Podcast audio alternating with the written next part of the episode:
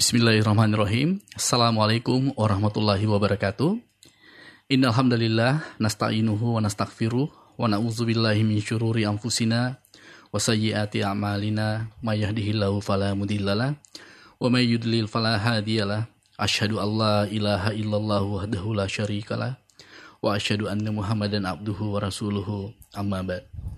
Pendengar di mana pun Anda berada yang mendengarkan kami di 675 AM Radio Syiar Tohid Jabodetabek, juga yang mendengarkan kami di 107,5 FM Radio Al Madinah Solo dan juga yang menyimak kami di 88,2 FM Radio An Nasiha Makassar dan sekitarnya serta yang menyaksikan kami melalui siaran live kami di YouTube dan Facebook di Zulkarnain Muhammad Sunusi dan juga di Radio An-Nasiha. Bagaimana kabar Anda? Semoga Allah Subhanahu wa taala senantiasa memudahkan kita untuk istiqomah di atas uh, agama ini, di atas jalan yang lurus.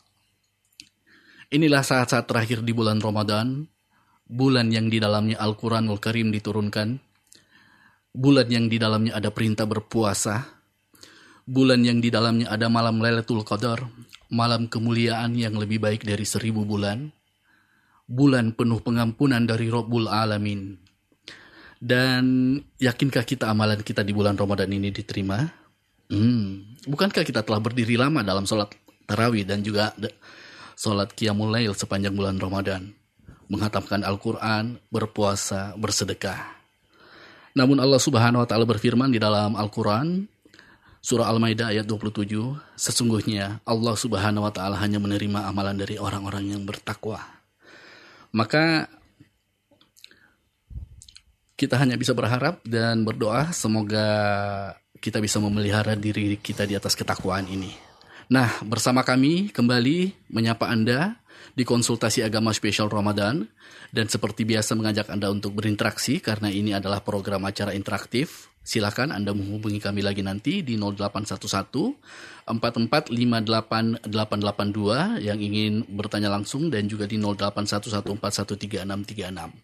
Tentunya Anda bisa bertanya seputar agama Islam bersama guru kami Ustaz Zulkarnain Muhammad Sunusi bin, bin Muhammad Sunusi Hafizahullah Ta'ala dan Pendengar, inilah konsultasi agama spesial Ramadan edisi 29 Ramadan 1441 Hijriah, hari Jumat tanggal 22 Mei 2020. Rumahku bersinar di bulan Ramadan. Bismillahirrahmanirrahim. Alhamdulillahi rabbil alamin. Wassalatu wassalamu ala mabuthi rahmatan lil alamin. Nabiina Muhammad wa ala alihi wa sahbihi wa man tabi'ahum bi ihsanin ila yaumiddin amma ba'd kaum muslimin dan muslimat, para pendengar, serta seluruh yang menyaksikan acara ini di mana pun Anda berada. Assalamualaikum warahmatullahi wabarakatuh. Uh, sebuah kaidah hidup dan ketetapan di dalam ibadah yang Allah Subhanahu wa taala perintahkan kepada nabinya Nabi Muhammad sallallahu alaihi wasallam. Dan ini berlaku untuk seluruh umatnya berada di sebuah surah yang kita semua menghafalnya surah asy-syarah alam nasyrah laka sadrak tepatnya di ayat yang ketujuh dan ayat yang kedelapan yang merupakan dua ayat terakhir di surah ini Allah berfirman kepada nabinya فَإِذَا فَرَغْتَ فَانْصَبْ وَإِلَى رَبِّكَ فَارْغَبْ apabila engkau telah selesai wahai Nabi Muhammad maka berdirilah. Lakukan ibadah yang lain. Dan kepada Rabbmu hendaknya engkau selalu mengharap. Ini kalimat subhanallah padat ringkas tapi memiliki kandungan yang sangat padat dan luas sekali Faidha faragta apabila engkau telah selesai. Selesai dari apa? Selesai dari amalan ketaatan, sebuah kegiatan. Fansab dari kata nasb. Nasb itu arti asalnya adalah seorang letih di dalam beramal. Maksudnya mulai kembali beramal, tegakkan amalan. Karena itu di dalam penafsirannya Ibn al-Jauzi di Zadil Masir menyebutkan enam ucapan ahli tafsir. Dan enam hal ini tidak bertentangan semuanya menguraikan sebagian makna yang terkandung di dalam ayat. Beliau sebutkan dari tafsir Ibnu Mas'ud, Faida faragta fansab, kalau kamu selesai dari kewajiban-kewajiban, berdirilah. Kamu sudah selesai melakukan sholat-sholat wajib, maka berdiri di malam hari, lakukan sholat malam.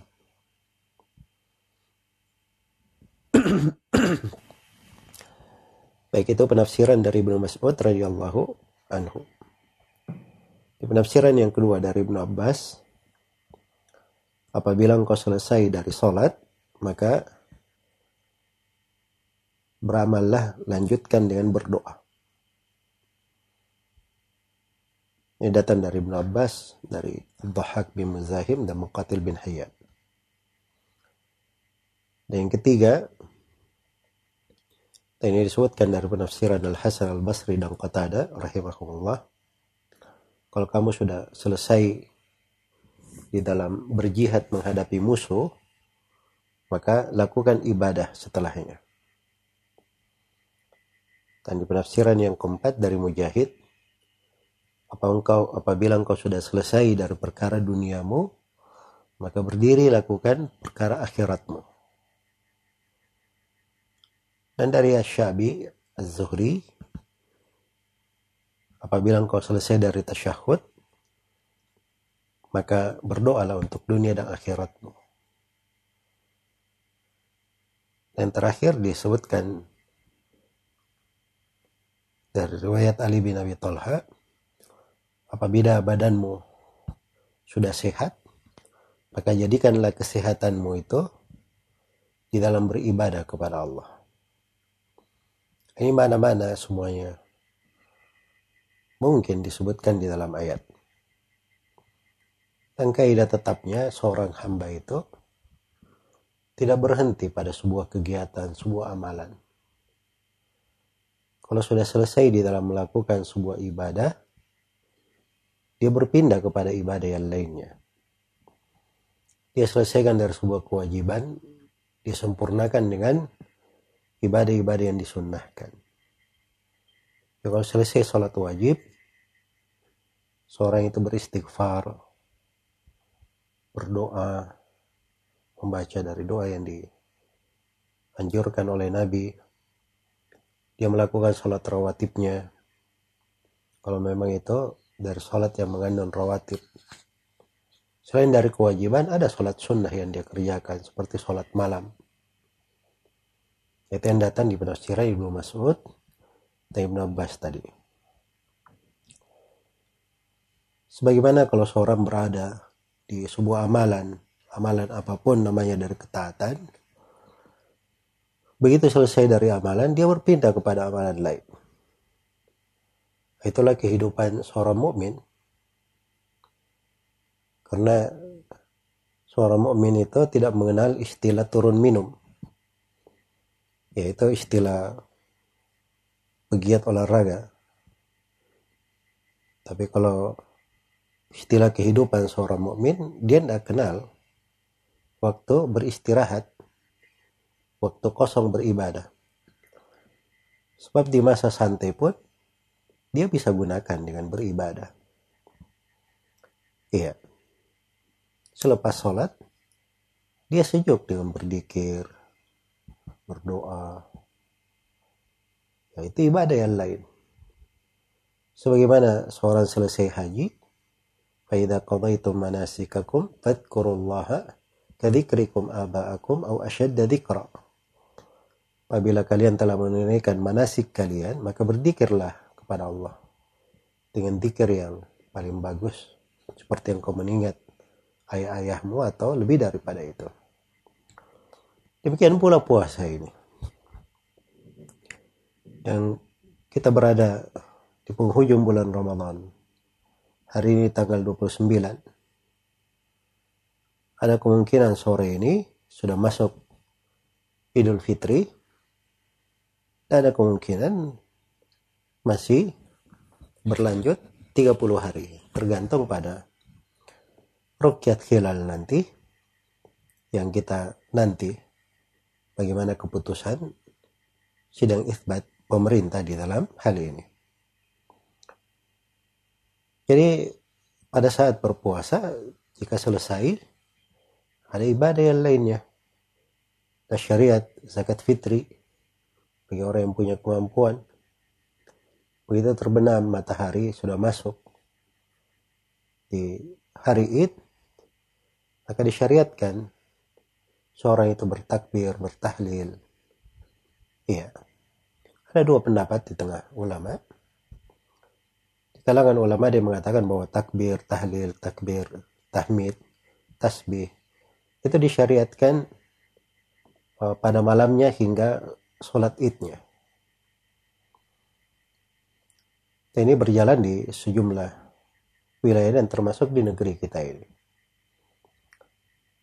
Dan sebagian ulama mengatakan bahwa itu syariat disyariatkan ketika seorang itu sudah menyelesaikan sholat subuh dan dia keluar menanti untuk sholat id keluar menuju ke lapangan untuk sholat atau seperti di kondisi pandemi sekarang ini kita sholat di rumah ya seorang begitu sudah siap menunggu hingga matahari terbit kemudian dia tunggu matahari itu setinggi setombak, lalu melakukan sholat. Nah, sambil menunggu dia bertakbir. Itu dua pendapat di tengah ulama. Dan itu adalah ibadah, Alhamdulillah. Sholat itu adalah ibadah. Iya. Walaupun di tahun ini kita tidak sholat di lapangan, nah itu yang harusnya dipegang oleh setiap muslim dan muslimah Jangan dia repotkan dirinya dengan keadaan sebagian manusia sibuk mengurus ini kita masih di zona hijau tidak apa-apa kita mengadakan sholat id kita jaga protokol kesehatan ya siapa yang menjamin hal tersebut suatu hal yang diberi udur diberi keringanan untuk sholat di rumah memaksakan diri untuk melakukan sholat di lapangan ini namanya merepotkan diri selain daripada itu. Bikin banyak persoalan. Mempengaruhi yang lainnya. Akhirnya terjadi keributan di sana sini. Padahal kalau dia berada di rumah dengan niatnya yang salih, biasanya dia ke lapangan kalau hari Id, itu tercatat pahala untuk dia. Dia tidak sholat pun di rumahnya sholat Id, dia tercatat pahala. Seperti sholat di lapangan. Apalagi kebanyakan ulama membolehkan untuk sholat id di rumah. Maka jangan memberatkan diri. Ini kondisi seperti ini, seorang itu memperbanyak pahala dengan menjaga kebersamaan, dengan saling menguatkan, tolong menolong di atas kebaikan.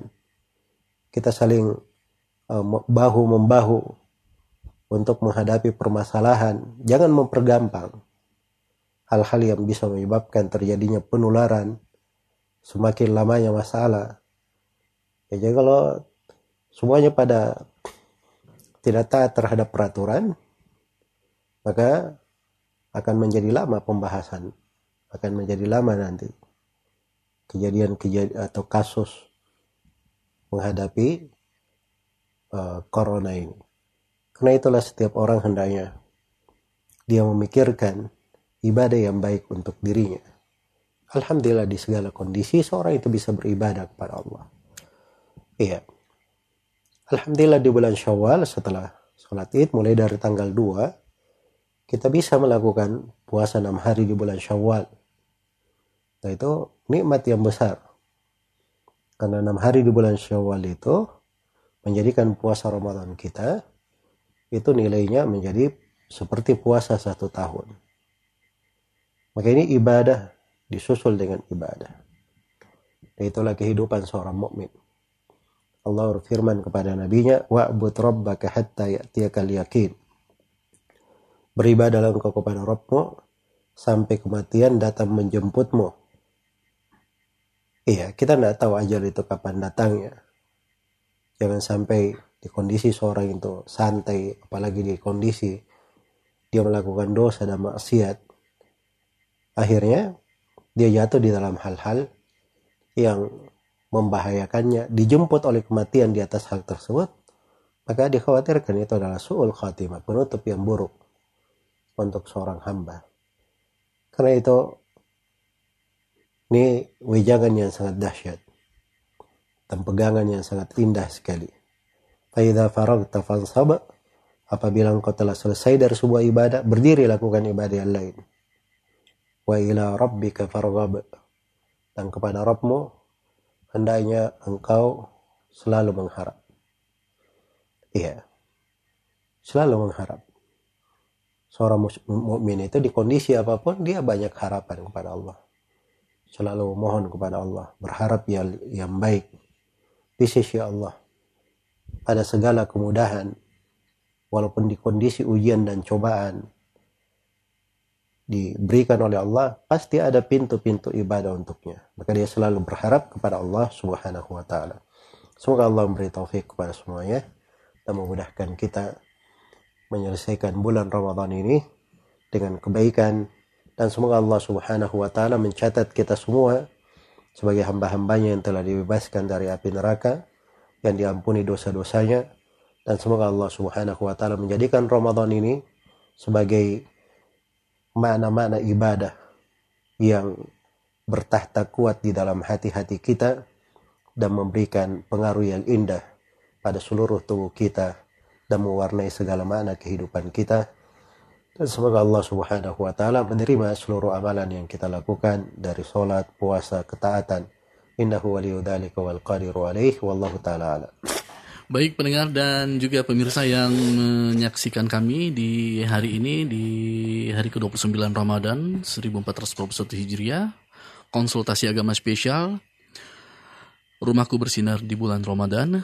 Kita ada waktu sekitar kurang lebih setengah jam, 30 menit ke depan untuk masuk di sesi tanya jawab. Dan ke, seperti biasa kembali kami mengajak Anda untuk menghubungi kami sekarang di 0811458882 dan juga mengirim pertanyaan Anda di 0811 413636. Baik, untuk pertanyaan pertama seperti biasa kita akan uh, mengangkat telepon yang sudah masuk.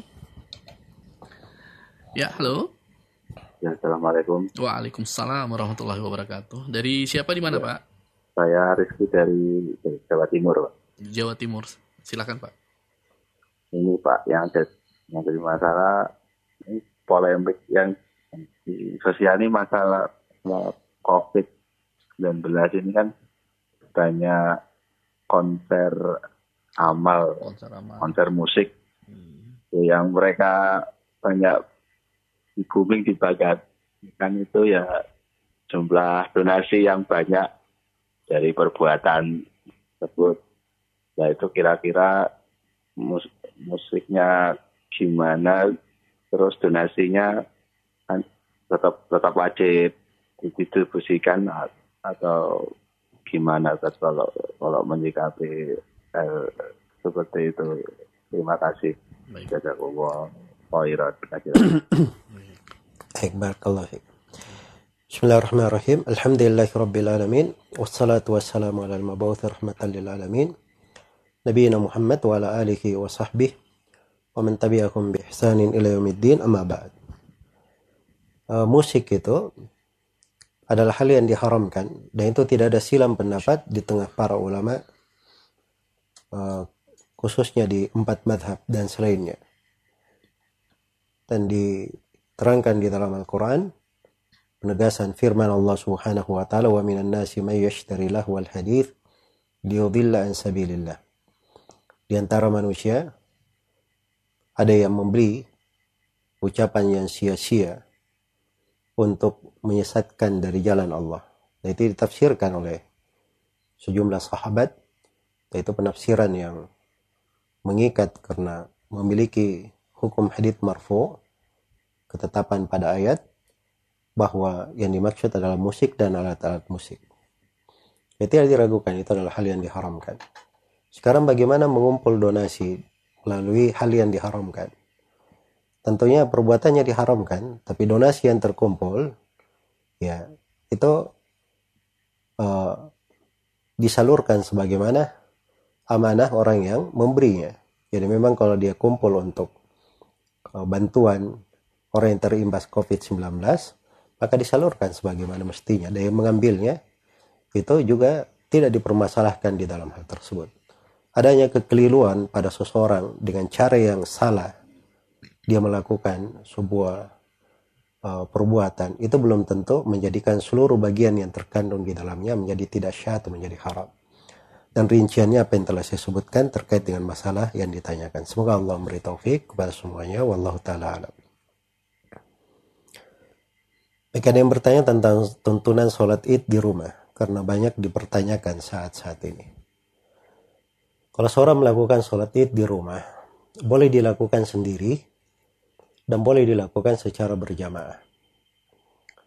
Kalau dilakukan ada banyak orang di rumah dilakukan secara berjamaah, maka itu yang lebih baik. Kalau misalnya ada laki-laki dan perempuan, maka laki-laki yang menjadi imam, perempuannya menjadi makmum.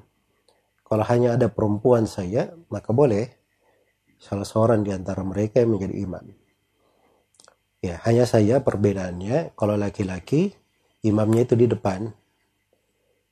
Imamnya di depan. Dan makmumnya di belakang. Apabila makmumnya jumlahnya lebih dari dua orang laki-laki. Tapi kalau makmumnya hanya aja hanya ada satu laki-laki saja, maka makmum satu laki-laki ini berdiri tepat di samping kanan imam. Iya. Adapun makmum perempuan itu selalu di belakang laki-laki. Kalau dua orang perempuan atau lebih, hanya perempuan saya yang sholat id, maka imamnya dia berada di tengah. Jadi sejajar satu soft dan imamnya berada di tengah. Adapun kefiat sholatnya, ditunggu ketika matahari terben uh, ketika matahari terbit begitu matahari terbit tidak langsung sholat tapi ditunggu set, uh, sampai dia setinggi sekitar setombak dan itu diperkirakan dengan menit sekitar 20 menit sekitar 20 menit atau sekitar 15 menit. Iya. Dan sebelum pelaksanaan sholat id apabila di rumah sebaiknya makan dahulu setelah sholat subuh atau sebelum uh, matahari terbit melakukan makan dahulu karena itu sunnahnya di hari id untuk menampilkan syiar berbuka. Karena itu di idul fitri idul adha ayam tashrik itu lima hari disepakati oleh para ulama haram untuk berpuasa di situ karena itu bukan waktu untuk berbuka dan di waktu yang berbuka, seorang itu menampakkan syiar makan. Ya, kecuali di Idul Adha, kalau seorang sholat Idul Adha, itu sebelum sholat sebaiknya dia tidak makan. Karena uh, yang, di, yang diinginkan dia sholat segera agar supaya setelah sholat segera menyembeli sembelihannya kalau dia punya sembelihan. Iya. Kemudian terkait dengan kefiat sholatnya, Sholatnya sama dengan umumnya sholat dua rakaat, sholat sunnah. Iya, hanya saja ada perbedaan dari sudut. Di rakaat pertama ada takbirnya ada tujuh kali takbir dan di rakaat yang kedua ada lima kali takbir. Ada lima kali takbir. Tujuh kali takbir dan lima kali takbir ini, ini selain dari takbiratul ihram, dan takbir perpindahan pada rakaat yang kedua. Iya. Jadi itu saja sudut perbedaannya. Kalau ada yang bertanya apakah ada bacaan yang dibaca antara takbir, jawabannya tidak ada bacaan yang dibaca antara takbir. Adapun apa yang beredar dibaca begini dan begitu itu berasal dari uh, pendapat sebagian uh, ulama tetapi tidak ada dasar dalil yang kuat tentang hal tersebut. Apakah membaca doa istiftah pada saat sholat id? Ini ada dua pendapat di tengah para ulama. Ada yang di mayoritas ulama dibaca doa istiftahnya dan di kalangan Imam Malik, Al-Auzai dan selainnya itu tidak dibaca doa istiftah. dan bagi saya itu pendapat yang lebih kuat. Kalau misalnya ada yang berpendapat membaca doa istiftah, maka bahirnya doa istiftah itu dibaca setelah takbir. Bahirnya dibaca setelah takbir dan tujuh takbir tambahan. Iya. Kemudian uh, setelah itu perlu diketahui bahwa sholat dua rakaat ini di rakaat yang pertama membaca surah Al-Fatihah dan membaca surah Sabbihisma Rabbikal A'la. Dan di rakaat yang kedua membaca surah Al-Fatihah dan membaca surah Hal Ataka Hadithul Ghashiyah. Itu dua surah yang paling ringan dibaca oleh semuanya. Tapi kalau misalnya imamnya punya hafalan yang lebih bagus, ya maka dia perpanjang sholatnya di, di rakaat pertama dia baca surah Al-Fatihah dan surah Qaf. Kemudian di rakaat yang kedua dia baca surah Al-Fatihah dan surah Al-Qamar. Dibaca surah Al-Qamar. Ya, dan selebihnya dari pembahasan sholat id sama dengan sholat yang lainnya. Semoga Allah Subhanahu wa taala memberikan taufik dan kemudahan untuk semuanya wallahu taala alam. Baik, 88,2 FM Anasia Sakina dengan Sunnah Share Tauhid 675 AM Jabodetabek dan juga 107,5 FM Solo di mana pun Anda berada yang menyaksikan kami di Zulkarnain Muhammad Sunusi via streaming dan mendengarkan kami melalui aplikasi radio kami. Kita angkat telepon lagi Halo. Ya, halo. Halo, Ya, Waalaikumsalam warahmatullah. Dari siapa di mana, Pak? Halo. Halo. Ya, dari siapa di mana? Hamba Allah di Lampung. Oke, silahkan pertanyaannya. Pertanyaan pertama, saya ingin menanyakan apabila MUI mengeluarkan fatwa membolehkan sholat id di masjid untuk zona hijau. Tetapi kita ragu akan fatwa tersebut karena takut tertular. Apakah boleh tidak untuk mengikuti fatwa tersebut? Kemudian pertanyaan kedua, uh, tiga tahun lalu saya sering bermimpi membaca Al-Quran di suatu masjid berulang kali. Kemudian beberapa bulan yang lalu saya baru tersadar ternyata yang saya mimpikan itu terjadi di tempat yang sama. Apakah itu normal? apakah ada penjelasan di dalam Islam apakah kurofat apabila saya tersadar akan hal itu. Syukran Ustaz, jazakallah khairan. Baik, terkait dengan terkait dengan pertanyaan pertama. Jadi disebutkan uh, fatwa MUI tentang boleh sholat di zona hijau. Ini saya nggak tahu ya MUI yang mana. Ya dan saya juga tidak memperhatikan akan hal tersebut. Ya sebab lembaga-lembaga fatwa yang ada di Indonesia ini itu resmi dari sudut kalau misalnya dia diakui oleh pemerintah secara badan itu adalah hal yang resmi. Tetapi kalau dikatakan itu adalah bagian dari negara tidak. Sebab dia bukan kementerian, bukan departemen dari sebuah negara. Fatwanya tidak mengikat dalam hal tersebut. Iya yang diikuti adalah apa yang dianjurkan oleh pemerintah. Sebab mereka yang punya wewenang di kondisi yang seperti ini. MUI memberikan gambaran hukum kepada pemerintah. Pemerintah melihat apa yang paling cocok terkait dengan sudut maslahat pada segala aspek dan tinjauannya dari sudut kemaslahatan manusia. Dan harus diketahui bahwa tidak setiap masalah itu boleh difatwakan oleh siapa pun ada masalah-masalah yang di dalam memfatwakannya itu adalah wewenang pemerintah. Termasuk di dalam penegakan sholat id. Disebutkan kesepakatan di kalangan imam empat. Dan ini juga tertera di buku-buku yang memuat tentang politik syari bahwa penentuan adanya penegakan sholat id itu di tangan pemerintah. Itu di tangan pemerintah. Karena itu jangan diragukan di dalam hal tersebut pembagian zona hijau, zona merah, dan seterusnya, itu ada manfaatnya dari suatu sudut. Misalnya untuk menata daerah-daerah yang mungkin bisa dimaksimalkan di situ, dari sudut perekonomian atau yang lainnya, itu bukan pembagian untuk menggampangkan orang, menjatuhkan diri ke dalam kebinasaan dengan bermain-main api di belakang bahaya penyebaran corona ini. Iya. Jadi kalau dibuka kesempatan bagi orang melakukan sholat id di zona hijau, apa jadinya nanti yang di zona kuning, zona merah, semuanya akan cari tempat nanti pergi menuju ke zona hijau untuk sholat. Ya.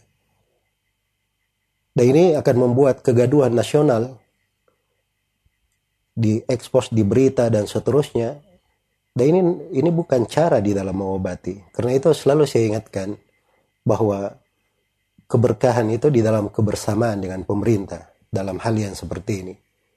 Itu kaidah pokok di dalam syariat. Disepakati oleh para ulama. Tidak ada silam pendapat di dalam hal tersebut. Karena itu himbauan pemerintah untuk sholat di rumah, sholat di tahun ini, itu pada tempatnya. Pada tempatnya. Dan Alhamdulillah kita bersyukur kepada Allah subhanahu wa ta'ala atas segala keadaan. Kita sholat di kondisi normal ke sholat id itu adalah hal yang kita cintai dan itu kebiasaan kita alhamdulillah. Di kondisi sekarang ini kita ada udur nggak biasa sholat id kita sholat di rumah. Pahala sholat idnya di di lapangan itu tetap kita dapatkan. Karena kita sudah niat untuk melakukan sholat id tapi tidak bisa karena ada udur. Dan Rasulullah Shallallahu Alaihi Wasallam bersabda "Idza maridal abdu aw safar kutiba makana ya'maluhu mukiman sahihan. Apabila seorang hamba itu sakit atau melakukan perjalanan, maka apa yang biasa dia lakukan dalam keadaan sehat dan dia mukim, itu tercatat pahala untuknya. Iya, maka jangan memberatkan diri dengan hal-hal yang bisa membuka peluang bahaya untuk kita. Menjaga keselamatan jiwa itu pokok besar di dalam syariat. Perkara darurat dalam istilah uh, bahasa agama. Perkara darurat yang dijaga di seluruh agama. Adapun sholat id, adapun sholat id secara berjamaah di lapangan, sholat berjamaah di masjid, ya, sholat Jumat di masjid, itu namanya maslahat penyempurna. Maslahat penyempurna. Maslahat penyempurna itu kalau ada kondisi darurat yang menghalangi, itu tidak ditegakkan. Tetapi hal yang darurat itu yang selalu dijaga di segala keadaan. Penjagaan terhadap jiwa dan keselamatan jiwa. Karena itu kita tepi, tetap berada di rumah kita, berbahagia di rumah kecil kita, rumah-rumah kecil yang kita berada di dalamnya. Kita menjaga diri, kebaikan kita, itu penjagaan untuk rumah besar kita bersama. Di negeri kita ini, di Indonesia ini. Untuk menjaga keselamatannya, kesehatannya, dan menjaga agar supaya kita semua terhindar dari segala hal yang tidak baik. Semoga Allah Subhanahu wa taala memberi taufik kepada semuanya. Betul. Yang kedua terkait dengan masalah mimpi, saya nggak ada keterkaitan dengan urusan masalah mimpi mentakwilnya dan saya tidak tahu tentang hal tersebut. Semoga Allah memberi taufik kepada semuanya. Kita ke telepon lagi Ustaz. Baik, silakan. Halo. Halo, Assalamualaikum. Waalaikumsalam warahmatullahi wabarakatuh. Dari siapa di mana, Pak? Dengan Pak Ilham di Makassar. Silakan pertanyaannya Pak Ilham. Eh, mau tanya Ustadz, kalau kita sholat pakai kursi secara berjamaah, bagaimana cara meluruskan surut safnya Ustadz? Mungkin bisa Dan, ditanya. Ya. Baik. Terus? Terus dan apakah saya saya saya saya tinggal bersama adik saya Ustaz dan kadarullah orang tua saya tidak meninggal terus saya diberikan zakat diberi oleh masjid dengan kategori orang tua sudah tidak harus. Apakah saya boleh menerimanya?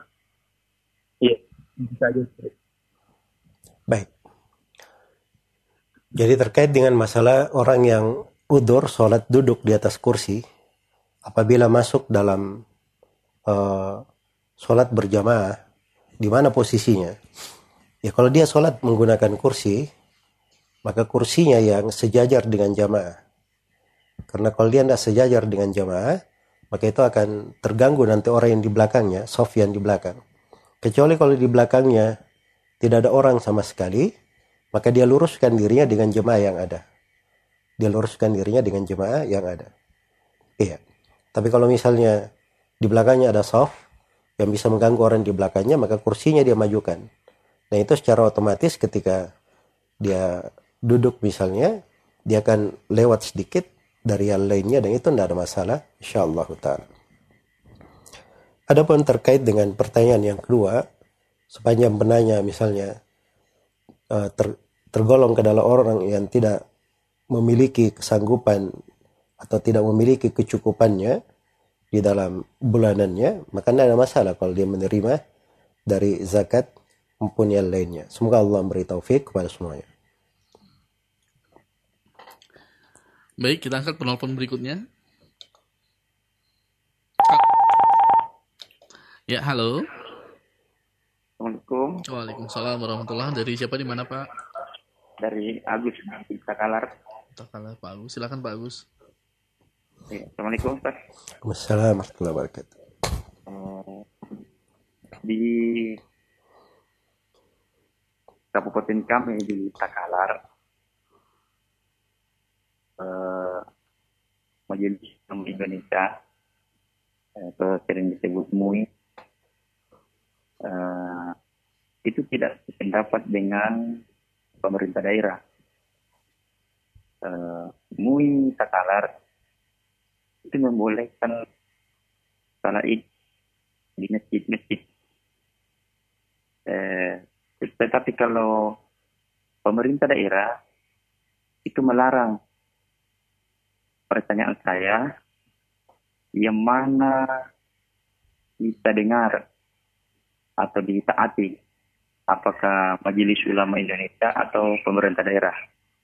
Syukran. Assalamualaikum warahmatullahi wabarakatuh. Jadi ini MUI Kabupaten Takalar berbeda dengan pemerintah Kabupaten Takalar. Yang diikuti adalah pemerintah. Ya MUI dengan segala hormat pada fatwanya dalam hal yang seperti ini itu nggak diterima. Dan itu bukan wewenangnya untuk berbicara di dalam hal tersebut. Karena itu kalau pemerintah menganjurkan untuk sholat di rumah dan dari sudut fatwa umum yang di yang beredar dari MUI pusat juga membolehkan hal tersebut, maka tidak usah diperhatikan dari MUI di daerah yang memberi fatwa bukan pada tempatnya. Semoga Allah Subhanahu wa taala memberi taufik kepada semuanya.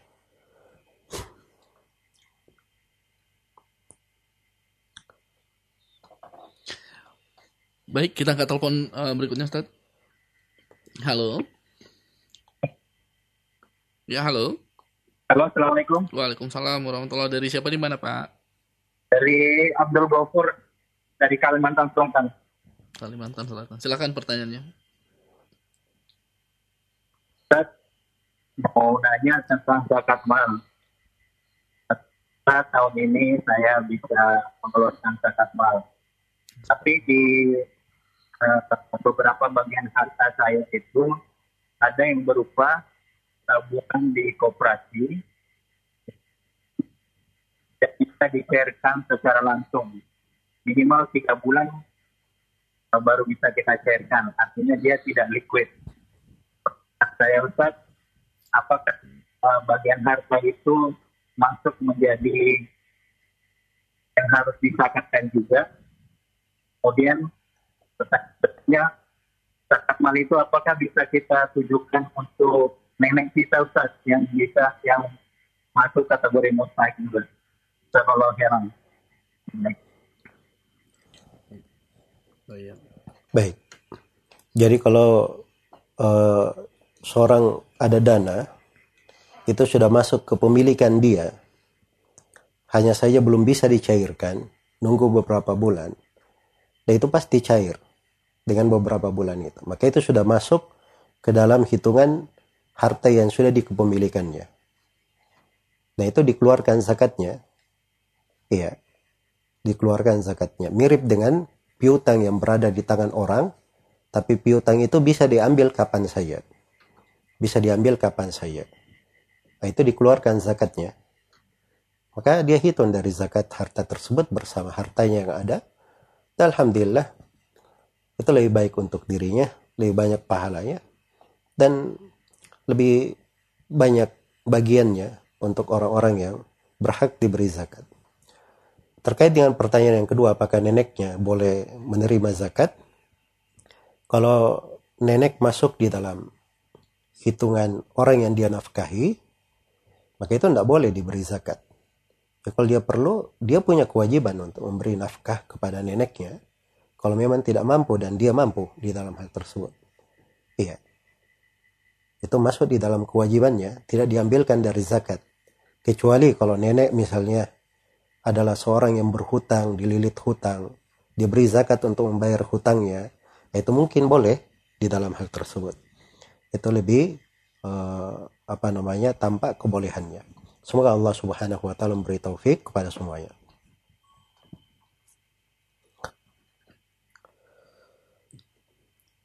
Bagaimana hukum membayar zakat fitri bagi orang yang meninggal dunia di pertengahan Ramadan? Ini pertanyaan dari saudara Abu Muhammad di Bogor. Jawabannya tidak ada kewajiban zakat fitri terhadap beliau. Karena zakat fitri itu uh, kewajiban apabila dia hadir di akhir Ramadan, menyelesaikan Ramadan. Iya, namanya juga zakat fitri, zakat yang diwajibkan karena berbuka, menyelesaikan Ramadan.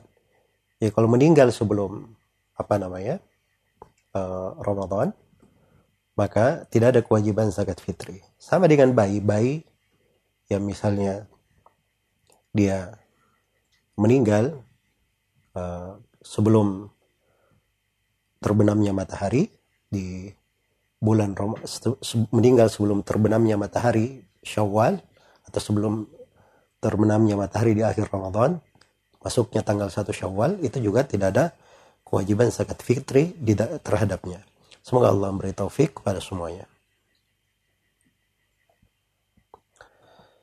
Apakah kita apabila kita mengumpulkan zakat fitri kami sekeluarga dalam suatu kepanitiaan, apakah boleh menulis nama-nama keluarga kami di bungkusan berasnya? Ya boleh saja dinulis nama tidak ada masalah di dalam hal tersebut tidak ditulis pun tidak ada masalah. Yang penting sudah jelas dia masukkan jumlah zakatnya sesuai dengan kadarnya. Misalnya dia masukkan 3 kilo dia dalam keluarga ada 8 orang di dalam uh, karung berasnya ada 24 kilo maka itu sudah cukup. Nah ditulis namanya juga tidak berpengaruh. Iya. Semoga Allah memberi taufik kepada semuanya. Dan ini juga ada yang bertanya terkait dengan uh, orang yang memiliki zakat akan diberikan kepada seseorang. Dan di kondisi di kondisi pandemi ini, mustahik yang berhak menerima zakat itu tidak bisa datang ke rumahnya untuk mengambil. Tidak bisa datang ke rumahnya untuk mengambil karena menjaga di kondisi pandemi. Bagaimana solusinya? Solusinya mudah. Orang yang berhak diberi itu tadi, misalnya saya, saya punya zakat, ingin saya berikan kepada si A ya. Saya katakan Sia saya mau beri beras kepada kamu. Kata Sia saya nggak bisa ke sana Ustadz. Ini kondisi pandemi. Saya juga khawatir. Ya. Saya ketemu Ustadz saya khawatir katanya. Jadi dalam hal yang seperti itu nggak ada masalah dia berkata kepada saya saya wakilkan Ustadz untuk memegang zakat saya saja. Ya sudah saya beri. Ya. Jadi zakat saya saya keluarkan dan saya wakili dia untuk memegangnya. Saya simpan di rumah saya dia mau datang besok, bulan depan, dua bulan depan untuk mengambilnya tidak ada masalah. Tidak ada masalah. Semoga Allah Subhanahu wa taala memberi kemudahan untuk semuanya. Wallahu taala alam. Baik. Pendengar, kita masih di konsultasi agama spesial Ramadan. Rumahku bersinar di bulan Ramadan dan kita masih di sesi tanya jawab. Kami menunggu kembali dengan telepon Anda di 0811 4458 882. Halo. Waalaikumsalam warahmatullahi wabarakatuh. Dari siapa di mana Pak? Yusuf di Yogyakarta. Pak Yusuf di Jogja, silahkan Pak Yusuf. Oke. Pak, apa mau tanya ke uh, terkait uh, seseorang yang dulu pernah berbuat kezaliman di masa lalu, seperti pernah menipu seseorang dan sudah kelihatannya sudah maksimal dalam pencarian orang yang pernah zolim tersebut Ustaz. Namun Qadarullah uh, sudah tidak ditemukan lagi jejak-jejak kontaknya Ustaz. Nah jika kasusnya seperti ini uh, bagaimana Ustaz untuk bertobat dari hal demikian Ustaz? Apabila dengan diniatkan sedekah atas nama orang yang pernah dizalimi tersebut, tapi kalau nama orangnya Qadarullah juga kita lupa Ustadz namanya, bagaimana Ustadz? Apakah cukup hanya dengan meniatkannya saja Ustadz? Uh, tidak dengan serta nama orang tersebut yang kita lupa Ustadz namanya. Ya mohon jawabannya Ustadz. Barakallahu Baik Pak Yusuf di Jogja. Jadi bentuk kezalimannya uh, dari zahir yang ditanyakan itu terkait dengan harta. Iya, jadi kalau harta itu ada dan itu milik orang tersebut harus dikembalikan, maka sudah benar apa yang disebut dicari, di dilacak, nggak bisa diketemukan, dan ditahu juga siapa orangnya. Maka kewajibannya adalah dia berikan harta itu kepada sebuah hal yang baik yang paling banyak manfaatnya untuk manusia dia pilihkan sebuah proyek kebaikan yang paling banyak manfaatnya untuk manusia, dia letakkan harta itu di situ. Agar supaya manfaatnya untuk pemiliknya bisa menjadi lebih banyak dan lebih baik lagi. Kalau dia bersungguh-sungguh melakukan hal tersebut, maka insya Allah Ta'ala itu bagian dari kesempurnaan seorang bertobat dari kezaliman yang seperti itu. Semoga Allah Subhanahu wa taala memberi taufik kepada semuanya wallahu taala alam. Baik, penelpon berikutnya.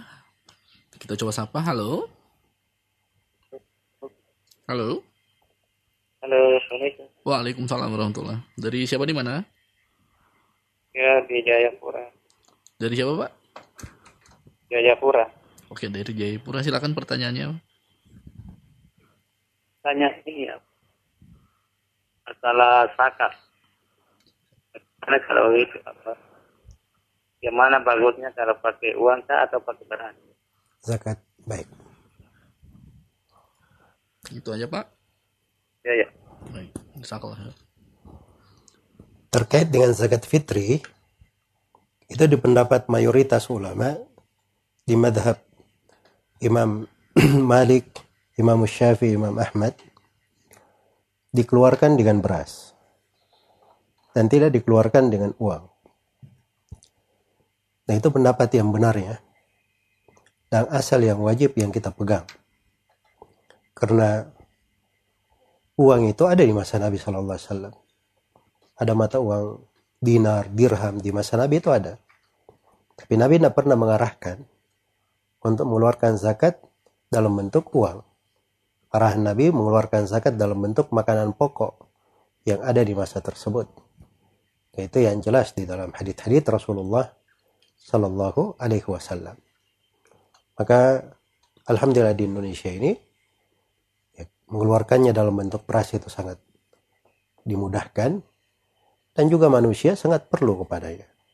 Karena itu di kondisi sekarang, apalagi kondisi sekarang seorang perlu sembako yang berisi beras dan bahan yang lainnya, maka menyalurkannya dalam bentuk beras itu yang paling bagusnya. Semoga Allah Subhanahu wa taala memberi taufik kepada semuanya. Pendengar di mana pun Anda berada, waktu kita tersisa sedikit lagi dan menyisakan dua pertanyaan terakhir, mungkin yang akan diambil dari SMS yang sudah masuk, dan juga mungkin akan diambil satu pertanyaan dari penelpon yang akan masuk. Baik Ustaz, mungkin bisa saya angkat penelpon terakhir Ustaz ya. Baik, silakan.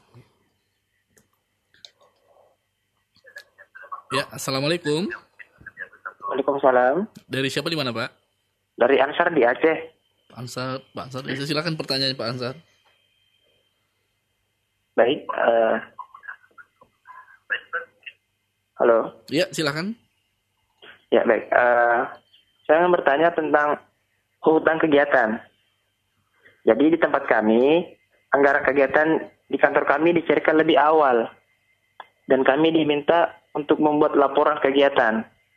Padahal beberapa kegiatan belum dilaksanakan. Tetapi laporan sudah harus masuk dalam waktu yang dekat apakah boleh kita uh, hutang kegiatan? Misal di laporan kita tulis tanggal 1, tapi kita laksanakan kegiatan di tanggal 5. Baik. Jadi kalau kasus seperti yang ditanyakan itu, itu kembali kepada uh, peraturan di apa namanya kantor yang beliau kerja. Kalau peraturannya membolehkan untuk hal tersebut, maka itu nggak ada masalah. Tapi kalau tidak diperbolehkan, maka dia harus bekerja sebagaimana amanah di dalam kerja itu asal di dalamnya. Semoga Allah Subhanahu wa taala memberi taufik kepada semuanya. Baik ini ada yang bertanya bahwa uh, saya memiliki nenek yang saat ini tinggal bersama tante saya beragama Nasrani, di mana biaya kehidupan sehari-harinya ditanggung oleh tante saya. Apakah nenek saya memiliki kewajiban membayar zakat fitri atau tidak? Ketika dia memiliki kewajiban, bagaimana hukum pembayarannya dibayar oleh tante saya? Apakah itu syah? Apakah harus dibayarkan oleh anaknya yang beragama Islam? Lalu bagaimana dia pula dengan fidyanya? Siapa yang menanggungnya? Berarti ada dua di sini ya. Satu terkait dengan zakat fitri, satu terkait dengan fidyanya. Jadi kalau misalnya nenek penanya uh, terkait dengan zakat, itu wajib dikeluarkan zakat fitrinya apabila dia punya kelebihan makanan. Iya. Jadi kalau dikeluarkan misalnya oleh tantenya, walaupun agamanya agama Nasrani itu nggak ada masalah. Itu syah untuknya sepanjang dia apa namanya sepanjang neneknya ridho di dalam hal tersebut. Dan kalau dikeluarkan oleh anaknya juga tidak ada masalah. Itu juga adalah hal yang bagus. Adapun terkait dengan vidya, dia boleh dibayarkan oleh siapa saja. Anaknya maupun tantenya juga nggak ada masalah. Sebab itu apabila dibayarkan untuk seseorang, maka uh, orang itu hal yang dibayarkan untuk orang tersebut telah mengangkat kewajibannya. Apakah dibayar oleh muslim atau non muslim? Semoga Allah Subhanahu wa taala memberi taufik kepada semuanya. Wallahu taala alam. Alhamdulillah, wabarakallahu fiqh. Demikianlah konsultasi agama spesial Ramadan. Rumahku bersinar di bulan Ramadan untuk edisi hari ini. 29 Ramadan 1441 Hijriah yang bertepatan dengan tanggal 22 Mei 2020. Dan seperti biasa, pertanyaan-pertanyaan yang sudah masuk, kami minta maaf yang sebesar-besarnya. Masih banyak yang tersisa yang belum dibacakan. Dan kami juga ingin mengucapkan terima kasih buat Anda yang sudah mengikuti kami di 88,2 FM Manasiha Sakinah dengan Sunnah. Juga mendengarkan kami di 675 AM Syiar Tauhid Jabodetabek. Dan yang mendengarkan kami di 107,5 FM Al Madinah Solo via streaming di Dulkarnain Muhammad Sunusi dan juga di Radio An-Nasiha. Nah, buat Anda yang belum sempat mendengarkan konsultasi agama hari ini, terlambat, Silahkan mengikuti kami besok di pukul 3.30 sampai pukul 4.30 menjelang sahur hanya di 88,2 FM Anasiha Sakinah dengan Sunnah. Dan seperti biasa sebelum kita akhiri saya akan menyampaikan dulu untuk wilayah Jakarta dan sekitarnya maghrib hari ini jatuh pada pukul 17.47 menit waktu Indonesia Barat. Untuk Surakarta atau Solo jatuh pada pukul 17 lewat 29 menit waktu Indonesia Barat. Dan untuk Makassar dan sekitarnya jatuh pada pukul 17 lewat 58 menit waktu Indonesia Tengah. Baik pendengar, saya Fatih Adam dan segenap kru yang bertugas mohon diri pamit subhanakallahumma wa bihamdik asyhadu ilaha illa anta Astagfirullahaladzim. Assalamualaikum warahmatullahi wabarakatuh.